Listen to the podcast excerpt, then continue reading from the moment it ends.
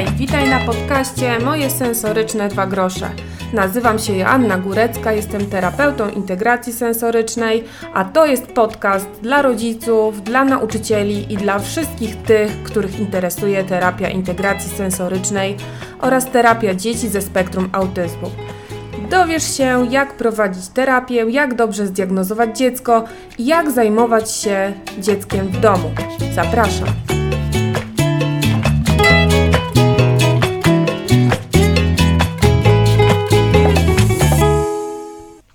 Hej, witam Was w kolejnym podcaście z cyklu Moje sensoryczne dwa grosze. Przypominam również, że jeżeli wartościowa to dla Was wiedza, dajcie mi jakiś odzew, wsparcie, subskrybujcie kanał, łapki w górę. W ogóle niech będzie tutaj większa moc z Wami. Dobra, dzisiaj przychodzę do Was z takim tematem mm, troszkę na wesoło, ale troszkę tak e, poważnie, bo dzisiaj przychodzę do Was z tematem profili sensorycznych. To jest nowe odkrycie w ogóle e, w integracji sensorycznej z 2019 roku. E, ale zanim przejdziemy sobie do tych profili sensorycznych, to wyjaśnię w ogóle, co mam na myśli pod pojęciem bodźce sensoryczne i ta integracja sensoryczna?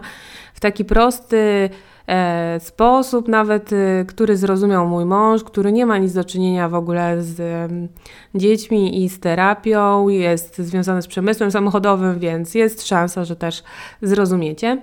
Później e, porozmawiamy sobie na temat e, tego, jakie występują te profile sensoryczne. E, to zrobimy na podstawie bajki Kubusia Puchatka.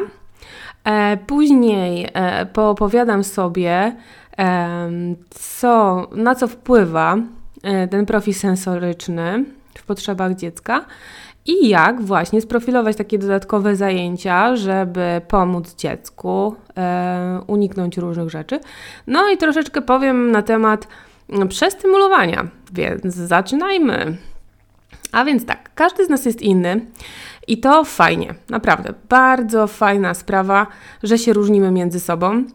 E, bo mamy różne upodobania, różne hobby czy temperamenty i to jest właśnie ekstra, bo nasze organizmy, a głównie mózg w zupełnie inny sposób przetwarzają te bodźce sensoryczne i, e, i ogólnie przez to jest taka fajna jakość. Ok, ale co to właściwie jest ten bodziec? No, no. Okay. Dobra. E, wytłumaczę to prosto. Przypomnij sobie jakiś miły moment z przeszłości, może na przykład jakiś moment z wakacji. E, jakaś taka chwila. I przypomnij sobie wtedy, jak się czułaś, czułeś, co wtedy słyszałeś. Może słyszałeś jakieś dźwięki, rozmowy w tle, może jakieś e, fale, może czułaś na skórze powiew wiatru, może ciepło słońca w jakiej pozycji ciało się znajdowało, czy leżysz, stoisz, czy siedzisz. No właśnie, i to są wszystko te bodźce, czyli informacje o tym, co czujemy, i one płyną do nas ze zmysłów. No i jak te bodźce docierają przez receptory, czyli tak zwane czujniki e, w naszych narządach zmysłowych do mózgu, to mózg je w odpowiedni sposób przetwarza i wytwarza taką reakcję. Czyli mówi nam, czy nam się to podoba, czy nie. Wydaje się wtedy to bardzo skomplikowane, ale robimy to bardzo szybko i naturalnie, więc nawet tego nie zauważamy. E, ale to jest to magiczne słowo integracja sensoryczna. No dobra, a więc teraz profil. Profil sensoryczny. Co to takiego? No, ze względu na to, że z otoczenia ciągle docierają do nas doznania, te zmysłowe bodźce sensoryczne, to właśnie jak ta twórczyni e, Winnie Dan stwierdziła, że yy, my w różny sposób tutaj je przetwarzamy. I nasze życie to ciągłość przetworzeń tylko sensorycznych bodźców. I każdy z nas, zarówno dorosły, jak i dziecko, ma ten określony profil, czyli sposób, w jaki to robi. E, mówi on nam, które bodźce preferujemy, jakich unikamy i w jaki sposób na przykład je przetwarzamy. Niektórzy na przykład e, zdają się nie zauważać różnych rzeczy, różnych bodźców. Na przykład mogą spać przy włączonej muzyce, przy, przy grze telewizora i to im nie przeszkadza. I takie osoby właśnie mają ten wysoki próg pobudzenia, czyli to są ci wszyscy podwrażliwcy, ponieważ oni reagują dopiero na takie bardzo, bardzo silne i mocne doznania. Inni z kolei rejestrują wszystkie najmniejsze bodźce z otoczenia, odbierając je jako taki duży dyskomfort i nawet takie zagrożenie, więc mają wtedy niski próg pobudzenia. To są ci wszyscy nadwrażliwcy. To, jaki profil sensoryczny wpływa na nasze codzienne funkcjonowanie i wybory, E, widać w wyborze na przykład e, pracy zawodowej, czy też sposobów spędzania czasu wolnego. To najprostsze, tak? Niektórzy mają preferencje do tego, by być, być kierowcą, inni mają preferencje do tego, żeby być nauczycielem, bo potrzebują non-stop gadać, na przykład ja. E, inni mają preferencje do tego, żeby być dziennikarzem, bo lubią występować i bodźce lubią wzrokowe, tak? Najmłodsi też e, instynktownie wybierają aktywności, które zaspokajają ich te potrzeby sensoryczne, tak zwany apetyt. Moje sensoryczne dwa grosze. Bądź na czasie i o czasie w rozwoju swojego dziecka. Profil sensoryczny często bywa mylony z zaburzeniami integracji sensorycznej i dlatego ten podcast tutaj nagrywam, ponieważ należy pamiętać, że profil sensoryczny to są nasze upodobania. A zaburzenia sensoryczne to wtedy, kiedy te bodźce przetwarzamy bardzo nieprawidłowo i to utrudnia nasze codzienne funkcjonowanie. No dobra, to przejdźmy do tej teorii i tutaj do tego wspomnianego kubusia puchatka. Po pierwsze, profil sensoryczny e, to był taki e, pierwszy raz opisany przez Winnie Dunn z Kalifornii. I ona zaproponowała tutaj taką definicję, e, stosując do określenia tych profili e, postaci z, z bajki Kubuś Puchatek, które bardzo ułatwiają zrozumienie, jakie cechy posiada każda e, osoba z konkretnym profilem. U nas tymi profilami zajmowała się właśnie Marta Wiśniewska i na swoim blogu zamieszczę jej kwestionariusz przesiewowy do tego, żeby określić sobie profil i później we właściwy sposób ustalić dietę. No dobra. No ale co z tymi profilami? Otóż mamy trzy kategorie, czyli ten niski próg pobudzenia, czyli takie osoby, które są wrażliwe i które nie są w stanie przyjąć większości ilości bodźców, a czasami nawet jednego takiego e, mocniejszego. I mogą tutaj one zachowywać się w dwojaki sposób. Mogą przyjąć postawę aktywną, czyli unikać tych bodźców, zasłaniać oczy, uszy, zatykać nos, od razu schodzić z tej huśtawki. No i tutaj zagadka, co to za postać? Oczywiście to jest dokładnie ten bajkowy prosiaczek. Ale może tutaj być ten typ e, niskiego progu pobudzenia bierny. Czyli może na przykład um, przyjmować te bodźce do pewnego mo momentu przebodźcowania, zbierać je, a w pewnym momencie to się kończy odroczoną taką reakcją, czyli płaczem, wybuchem, histerią, mdłościami, bólem głowy, a nawet agresją. No i właśnie w taki podobny sposób zachowuje się potulny nasz Kubuś Puchatek. Ale pod wpływem e, nadmiaru wrażeń pęka i przeobraża się w malkontenta królika. No dobra, to mamy pierwszą kategorię, niski próg pobudzenia. Teraz będzie druga kategoria o wysokim progu pobudzenia. E, to są takie mm, osoby niedowrażliwe. Czują i zauważają bodźce, gdy one są już mocne. Występują też w dużej ilości, na przykład, nie? Osoba aktywna e, będzie ich czynnie tak poszukiwać, e, bo tu są też dwie, dwa profile, aktywna i bierna. I ta aktywna będzie skakać, biegać, ściskać, dotykać, wąchać, jak typowy, mój ulubiony, notabene z bajki Tygrysek. Zaś osoba bierna nie będzie robić nic, po prostu takie kłapouchy. I sprawia wrażenie takiej ospałej, do której niewiele dociera, nic nie słyszy, nic nie wie, tak? Bardzo późno reaguje. E, najczęściej e, obserwujemy te właśnie osoby aktywnie unikające lub poszukujące, czyli prosiaczki i tygryski. Trudniej nam jest właśnie zauważyć te takie dzieci i osoby bierne, kubusie, króliki czy kłapouszki, no bo one są takie wycofane. Ale zasada jest jedna. Niezależnie od sposobu zachowania, wrażliwcy powinni mieć mniej tych bodźców wokół siebie, czyli mniej tych doznań, i wtedy zapewni się im super e, rozwój i funkcjonowanie. A więc niedowrażliwcy potrzebują tych bodźców analogicznie więcej, żeby poczuć się dobrze. Zarówno ten ym, stan przebodźcowania układu nerwowego, czyli zbyt wiele tych bodźców, albo tego deficytu, czyli za mało tych bodźców, nie jest wskazany dla organizmu i wtedy dzieci się zachowują i dorośli w inny, nietypowy sposób niż zwykle. No i właśnie tutaj to jest taki klucz do y, rozróżnienia potrzeb sensorycznych dziecka. I tu możemy ustalić y, już taką sprawę związaną z dietą, nie? Każda na przykład z bajkowych postaci ma inne potrzeby i w związku z tym potrzebuje innego rodzaju aktywności, aby czuć się wtedy dobrze. No i tak samo nasze dzieci. Na co dzień potrzebują takich aktywności skrojonych na ich miarę, czyli rozbrykany tygrysek umiałby się skupić przez dłuższy czas nad puzzlami czy układankami? No raczej nie.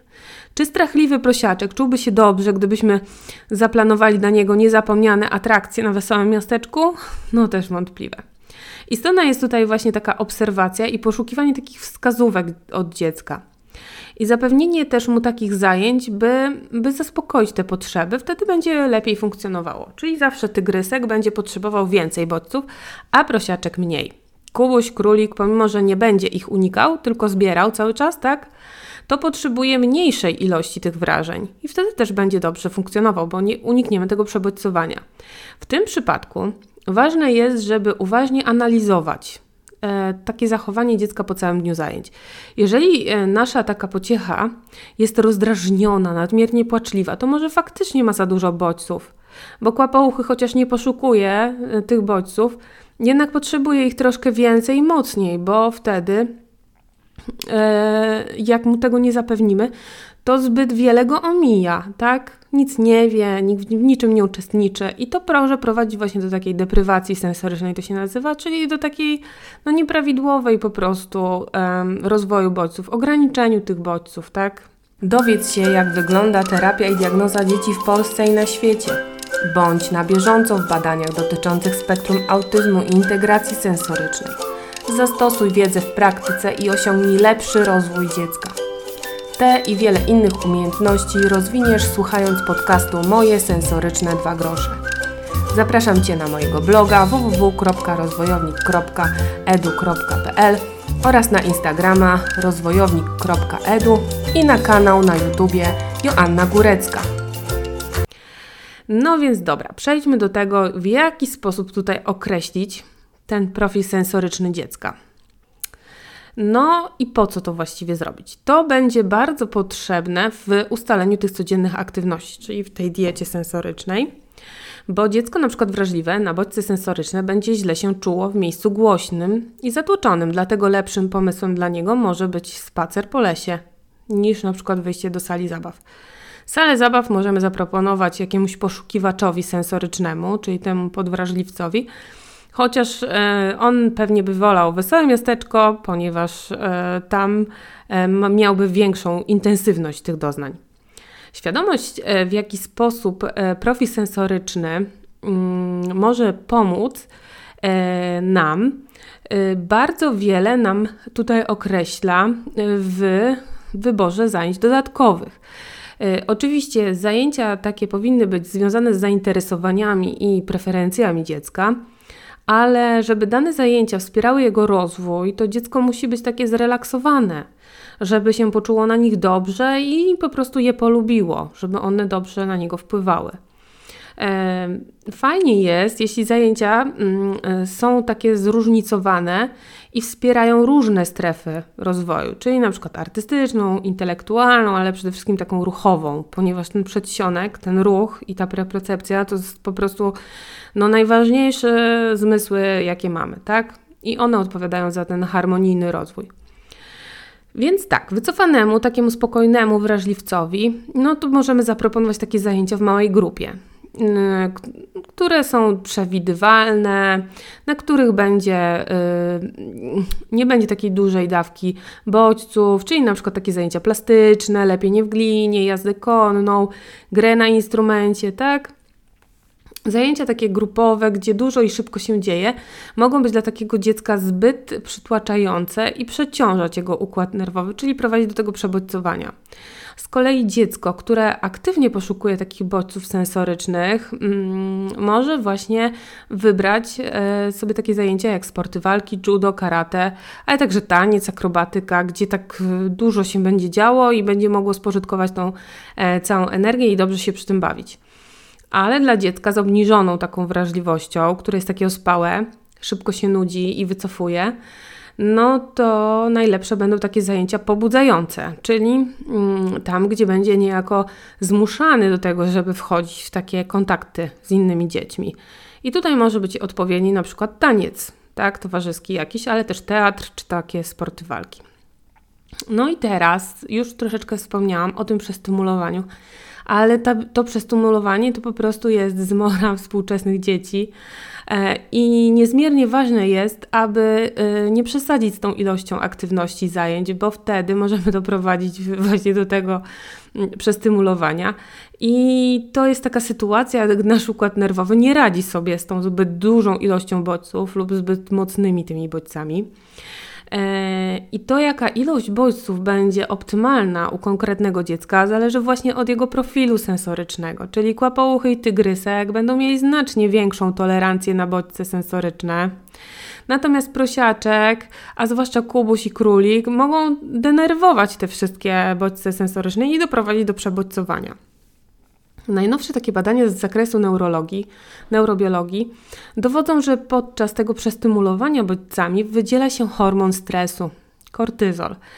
I to jest y, niewskazane nie tylko y, dla układu nerwowego, ale dla całego organizmu, jak trwa dłużej, bo krótkie takie dawki kortyzolu są fajne, bo mobilizują nas do działania. Ale zbyt wysoki poziom y, kortyzolu, czyli taki zestresowany mózg, może prowadzić do y, typowych takich zachowań walka, ucieczka lub takie zamrożenie. Nie? W jaki sposób najczęściej zachowują się takie przebodźcowane dzieci, przestymulowane? A więc tak, mogą odchodzić, uciekać od zabaw, ćwiczeń jakichś z grupy, odchodzić z kółeczka, Unikają na przykład patrzenia na inne osoby, czyli tutaj w ogóle związane to jest z zupełnie innym diagnozowaniem, bo tutaj to jest wskaźnik do określenia spektrum autyzmu, e, ale to też jest objaw przebodźcowania. Zamykają też oczy, zasłaniają te uszy, czyli już nam się pojawia po prostu e, pierwsze co mi, e, tutaj jako diagnosty, nadwrażliwość słuchowa. Wybuchają złością, i agresją. Są takie często autoagresywne, czyli lubią się podszczypać, obgryzać paznokcie lub takie różne rzeczy. Wybuchają płaczem z takiej błahej przyczyny lub bez przyczyny, są takie labilne, później się y, wyciszają. Reagują y, nie, na wszystko reagują nie.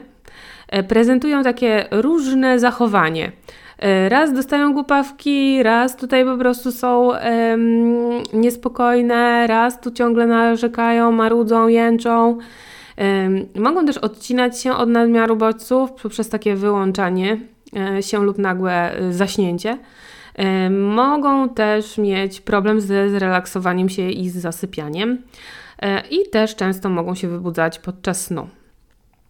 Dobra, no to kilka takich ciekawostek o profilach sensorycznych, bo ta autorka mm, teorii profili sensorycznych do tej pory stworzyła cztery narzędzia do określania tego profilu. E, profil sensoryczny niemowląt, profil sensoryczny 3-10 lat i sensoryczny profil młodzieży i dorosłych i sensoryczny profil dziecka w klasie. Są to takie bardzo przydatne rodzicom oraz osobom pracującym z dziećmi mm, narzędzia do określania preferencji sensorycznych. Ja tutaj je zamieszczę na blogu, jak zrobię po podcaście, czyli za tydzień e, wpis na bloga o tych profilach sensorycznych. I właśnie tutaj, e, jak zrozumiecie już pewne zachowania dziecka, wtedy będzie możliwość fajniejszego wspomagania tego rozwoju dziecka przez dobranie tej odpowiedniej liczby aktywności w ciągu dnia, tak?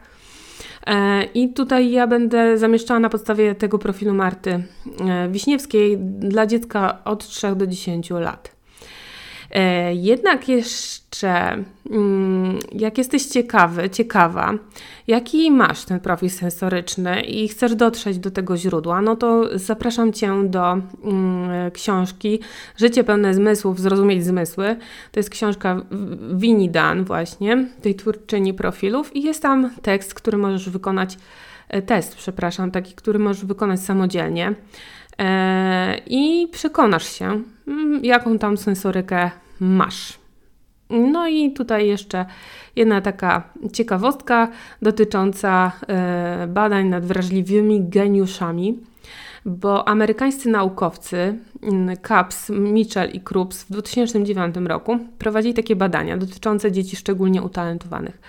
I wstępnie te wyniki, jak, jakie udało im się uzyskać, mówią o tym, że dzieci wybitnie zdolne są właśnie bardzo wrażliwe na te bodźce sensoryczne, bardziej niż rówieśnicy, czyli częściej takie prezentują profile sensoryczne o tym niskim progu pobudzenia e, co oczywiście ma swoje plusy i minusy, jak to w życiu bywa, i daje to pewne ograniczenia. I ja tutaj też miałam e, w taki podobny sposób funkcjonowałam, zwłaszcza w szkole podstawowej, jak byłam e, rzeczywiście tutaj e, nakręcona na e, zdobywanie tej wiedzy i naukowo. Później mi oczywiście przeszło, no ale rzeczywiście w dziwny sposób się też zachowywałam, bo na przykład włączałam sobie radio do e, odrabiania lekcji i e, moja mama nie potrafiła zrozumieć tego, w jaki sposób ja uczę się na pamięć różnych takich formułek chemicznych bądź fizycznych, słuchając tego radia. A mi ono właśnie pomagało w koncentracji uwagi.